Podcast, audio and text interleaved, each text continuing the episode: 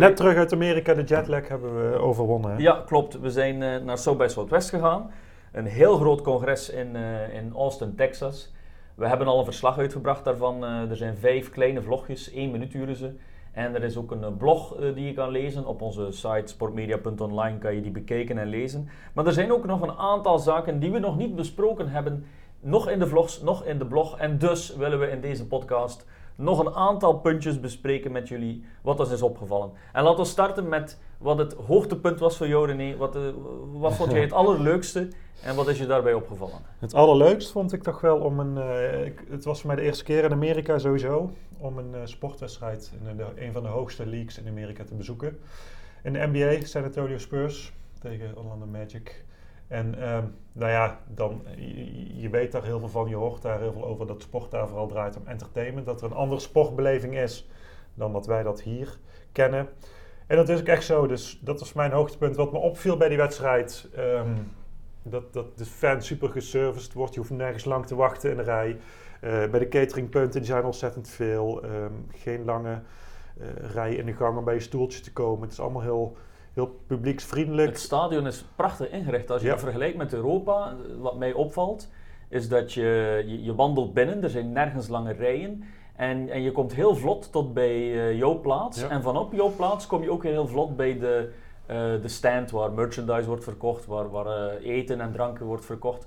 Ja. Het, het, het, lijkt alsof er beter is over nagedacht dan bij onze stadion. Ja, nou, dat is zeker. En dat, dat, zie je ook dat het publiek er wat anders uitziet dan bij een gemiddelde voetbalwedstrijd Juist, hier ook. in het stadion. Ja. We zagen heel veel uh, ouders, uh, vader met zoontje of dochter, maar ook heel veel moeders met ja, een dochter. Absoluut. Heel It's veel jonge kinderen. Thing, naar Ja, family thing. Ja. Bij het honkbal is dat volgens mij nog extremer. Dat is nog echt beter. Een, ja, ja. echt een ik, ik, ik heb al, een, ik heb al baseballwedstrijden gezien in de Verenigde Staten, Yankees en Miami Marlins. En daar, dat, dat is echt een, een, een family uitstapje, een heel uh, rustige atmosfeer. Ook bij basketbal een rustige sfeer in het stadion. Nergens heb je het gevoel van agressiviteit die je soms uh, bij Nee. bepaalde clashes in het voetbal bij ons wel hebt. Kom je daar nooit tegen. Ja, dus dat was heel bijzonder om te zien. In sport wordt daar inderdaad wat anders um, beleefd. Het is ook gewoon heel normaal om later, als de wedstrijd al lang bezig is, binnen te komen. Dat je eerst nog uitgebreid in de rij gaat staan um, om even je pizza te halen. En dan pas een plekje op je stoel Ja. gaat uh, Ja. uh, zoeken. Um, En dan tijdens de wedstrijd zelf, want uh, ik zat er natuurlijk naast, naast Ja. je. Je was nogal onder de indruk van een aantal zaken die gebeurden tussen het spel door. ja. Um, ja, entertainment staat daar Ja. voorop. Hè. Natuurlijk die sportwedstrijd, Amerikanen zijn sportgek, hè. laat daar geen misverstand over bestaan. Dus ze Mhm. genieten echt wel van de sport. Maar de entertainment eromheen, dat is heel opvallend. Eh, Dat begint al voor de wedstrijd natuurlijk heel mooi. Het volkslied door een live artiest. Maar ja, de, de, de, de mascotte van de club, die heel Coyote, veel, uh, Coyote. Die wij ook ontmoet hebben op Ja. South by Southwest. Ja. En die tijdens de wedstrijd nog eens goeiedag is komen zeggen tegen Ja. ons. Die, stond opeens voor Nou onze ja, neus. dat is heel opvallend. Dat zal bijvoorbeeld in Nederland bij een voetbalwedstrijd nooit gebeuren. Nee. Ook daar hebben we mascottes. Foxy bij PSV, die, speelt een, een vele marginalere rol tijdens een wedstrijd. Die moet eigenlijk gewoon uh, stil op de achtergrond Ja. uh, wat staan springen. Maar Coyote eist zijn plaats op. En Ja. die gaat uh, high fives geven aan de kinderen. Ja. Selfies maken tijdens de wedstrijd. Echt tussen het publiek gaan, Ja. ja. gaan, gaan supporteren. En de supporters uh, wakker houden. Uh, dat, dat is indrukwekkend. Halftime show dan. Uh, dat, dat is ook iets heel speciaal gebeurd. Ja, nou hele uh, echt bizarre dingen. Heel veel natuurlijk sponsorgerelateerde Ja. uh,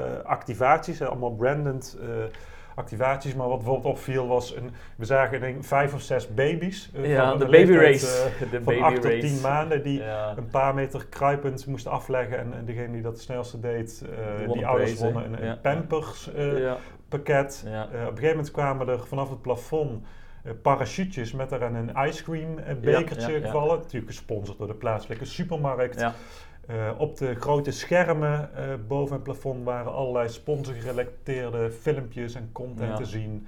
Uh, het is een en al entertainment. Het is entertainment, dat is ook kan je het echt zien. En niet alleen het, het sportelement zelf is, is het entertainmentgehalte hoog, maar ook wat er allemaal rondheen gebeurt. Ja. Mooie ervaring dus. Ehm, wat hebben we nog meegemaakt? Mijn leukste ervaring. Ik Mhm. persoonlijk, wat ik het leukst vond, ik vond het heel leuk dat ik de eerste Belg eh, mocht zijn om de wereldbeker voetbal vast te houden.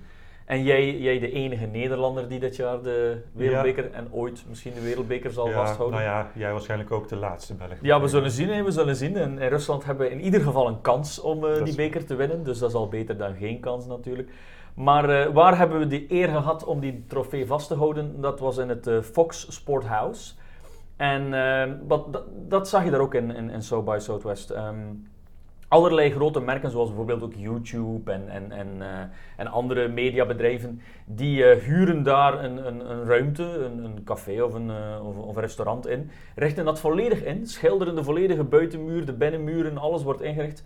En, eh, en proberen daar eigenlijk eh, mensen eh, leuke zaken aan te bieden waardoor ze langskomen. En natuurlijk daar dan ook social media content van gaan maken. Want bijvoorbeeld bij Fox Sporthouse kon je een, eh, een tattoo van een voetballer laten plaatsen. Kon je daar EA, Gay, EA Sports eh, spelen. Kon je daar ehm, de wereldbeker vasthouden. En daar werden er foto's van genomen. En natuurlijk, wat doe je daarmee? Die deel je. En dit is toch iets, iets waar die Amerikanen eh, echt wel ook weten hoe het spel gespeeld wordt. Ze kunnen heel leuke eh, ja, activaties uitwerken, waarbij je gegarandeerd een heel grote ehm, hoeveelheid eh, shareable content bij kan gaan maken. En jij hebt ook jouw foto gedeeld in met eh, de Wereldbeker. Ja, dat doen ze heel goed. En Ja. ehm, nou, wat dus meteen ook opvalt is Ja. voetbal, soccer, Ja, eh, juist. Is, is echt wel groot aan het worden ja, in Amerika. hè. Ja. Eh, er wordt natuurlijk altijd gesproken over de Big Four, ehm, Mhm. maar voetbal is zeker is er tussen gedrongen. Is de vijfde. Ehm, is de vijfde. Misschien zelfs binnenkort eh, nog hoger dan, eh, dan, dan NHL bijvoorbeeld. Ja.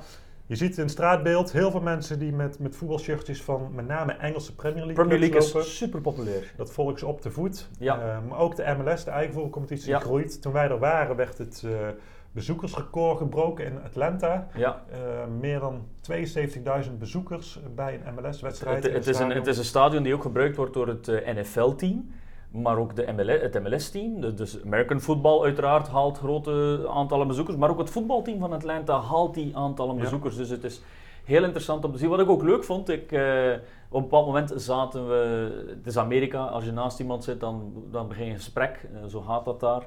Ehm, ik zat met een, eh, een, een, een, ja, een, een jasje met het logo van Tottenham Hotspur. En ik ben meerdere keren aangesproken door mensen omdat ze het logo herkenden. En je ziet dus dat ehm, het leeft daar. Mensen kennen het allemaal. Een leuk detail trouwens ook. Een van de personen waar we naast zaten die me aansprak was een, eh, iemand die verantwoordelijk was voor de communicatie bij eh, Williams, het Formule 1 team. Klein zijsprongetje even om toch ook te vermelden. Eh, we hebben al in onze nieuwsbrief meerdere keren het gehad over de grotere eh, vrijheid die de teams nu krijgen om via social media fans te gaan aanspreken. was ook een interessant gesprek, want die man zei ook, eh, we zijn blij met de nieuwe eigenaren. We kunnen veel meer nu via social media onze fans dichter gaan betrekken. Dus, eh, dus ook even een zijsprongetje, dat was ook leuk om te merken. Maar dus, hele leuke activaties daar. De Amerikanen weten absoluut hoe ze dat moeten doen en, en ook onder andere via voetbal. Wat is er nog meer bijgebleven? Ja, wat ik heel interessant vond is eh, NASCAR. Die hebben we een aantal keer gehoord, verschillende eh, personen daarvan. NASCAR is een heel boeiende sport. We Ja. hebben al eerder daar eh, vlogs ook over gemaakt. Daar heb ik al eens een tekst over geschreven. Het is een, is een sport die traditioneel is in Amerika. Veel bekender dan Formule 1. Maar die een ouder publiek heeft. En de, de inhaalbeweging die ze aan het inzetten zijn via social media content creatie maakt van hen eigenlijk een van de best practices op dit moment. En ze moeten dat ook doen, want ze moeten die jonge generatie betrekken, maar ze doen het fantastisch goed. Ja, ze doen dat heel goed, eh, onder andere door, door bepaalde rolmodellen, die jongere coureurs Juist, ja. centraal te stellen. Bubba Williams. Eh, Bubba Williams hebben ze een, een documentaire alleen te zien op Facebook Watch. ja. Ehm, mijn uitspraak die me vooral opviel van het hoofd ehm, media, is dat hij heel duidelijk zei, alle contentmakers bij ons, iedereen op de afdeling media en ehm, communicatie, Mhm. Die moeten eigenlijk alles kunnen. Eh Ja. Jaren geleden waren het vooral journalisten die lange artikelen op de website eh, moesten schrijven. Maar nu verwachten we ook van ze dat ze eh, korte Snapchats kunnen maken van hoge kwaliteit, goede foto's kunnen maken, video's kunnen monteren, goed weten wat voor social media content gemaakt moet worden. Dus de contentmakers van deze tijd, belangrijk voor ons vakgebied, Absoluut. die moeten specialisten zijn op alle vlakken van contentcreatie. Ja, en ze moeten eh, ingezet kunnen worden eh, op, op, op alle gebieden. Hè. Ze, ze krijgen eh, een aantal tools mee, soms enkel een, een smartphone. En ze moeten terugkomen met content die op alle kanalen kan. Ze moeten daar teksten kunnen over zijn, filmpjes. heel boeiend om te horen. wij spelen daar natuurlijk in onze opleiding al op in, maar die evolutie zet zich verder. En dat, dat is best boeiend om ook te horen daar in Amerika, onder andere bij NASCAR. ESPN, jij, jij bent grote fan geworden van die zender. Nou ja, de momenten dat we op de hotelkamer waren, dan, dan zet je toch ESPN op om dat eens te zien. Uh, Ze hebben vier of vijf kanalen op, op kabel-tv waar, ja. waar dag en nacht over sport wordt uh, gesproken vooral, want dat viel me eigenlijk wel op. Um, natuurlijk hebben ze ook wedstrijdbeelden en ze kort wat hoogtepunten zien van nou, de NBA die op dit moment de ontknoping nadert. Dat mhm. leeft heel erg. Maar zij merken ook wel dat zij als traditionele media een wat andere rol hebben gekregen. Alle wedstrijdbeelden, dat ziet de fan uh, met name via social media, via de kanalen van de NBA, via NBA uh, TV. Ja. Zij hebben echt nu een rol als het gaat om opinie maken, om, om discussies te bespreken. Ja, uh, ze moeten een debat opzoeken, want ja. de, de, de teams en de league zelf brengen zoveel content tot bij de fan, dat eigenlijk het, het, ja, het positieve beeld is er al en het beeld is er al. Zij zoeken eigenlijk nu hun meerwaarde en hun bestaansrecht ook een beetje in, in het debat creëren toch ook wel. Ja, en dan zie je dat er urenlang wordt gediscussieerd ja. uh, tussen allerlei deskundigen over, nou, het ging de eerste dagen over Adele Beckham Jr., een NFL-speler die onder vuur ligt omdat hij met een joint uh, zou zijn betrapt. Mm Daar gaat het dan dagenlang over, wordt over gedebatteerd.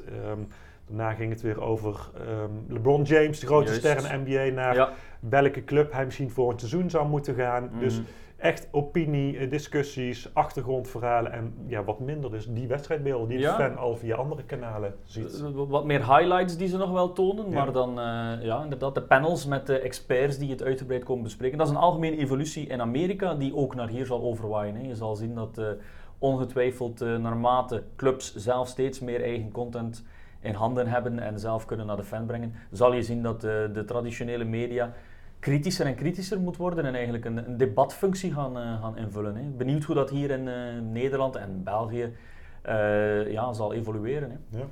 En dan, wat ik ook nog wil meegeven, wij hebben de eerste dag al heel interessant panelgesprek met ehm, ook iemand van de BBC, een beetje het hoofd van de BBC wat sport betreft, een vrouw. En zij zei zelf dat naar aanleiding van de verhuis die er had plaatsgevonden, BBC Sport is van Londen weggegaan naar Manchester. Um, ja, allerlei redenen, uh, wat politieke redenen ongetwijfeld ook. Maar ook het feit dat ze zegt Manchester is een regio waar, waar, waar sport echt leeft. Uh, je hebt daar twee grote voetbalclubs, Liverpool is niet ver weg. En zij zei, door die verhuis hebben we een aantal nieuwe mensen ook aangeworven. Uh, is er wat verschuiving binnen onze staf geweest. Hebben er veel meer vrouwenkansen gekregen. En zij was ervan overtuigd dat meer vrouwen in de sportmedia, een zeer positieve impact heeft gehad. Ze heeft gezegd dat dat uh, toch duidelijk merkbaar was dat de manier waarop hun content naar de buitenwereld wordt gebracht, dat daar toch een, uh, ja, een, een, verruiming is plaatsgevonden dankzij het feit dat er meer vrouwen. En je ziet dat over het algemeen. Bij, bij ESPN eh, was er een spreker, dat was ook een dame die presenteerde. We hebben haar dan daarna op televisie ook gezien.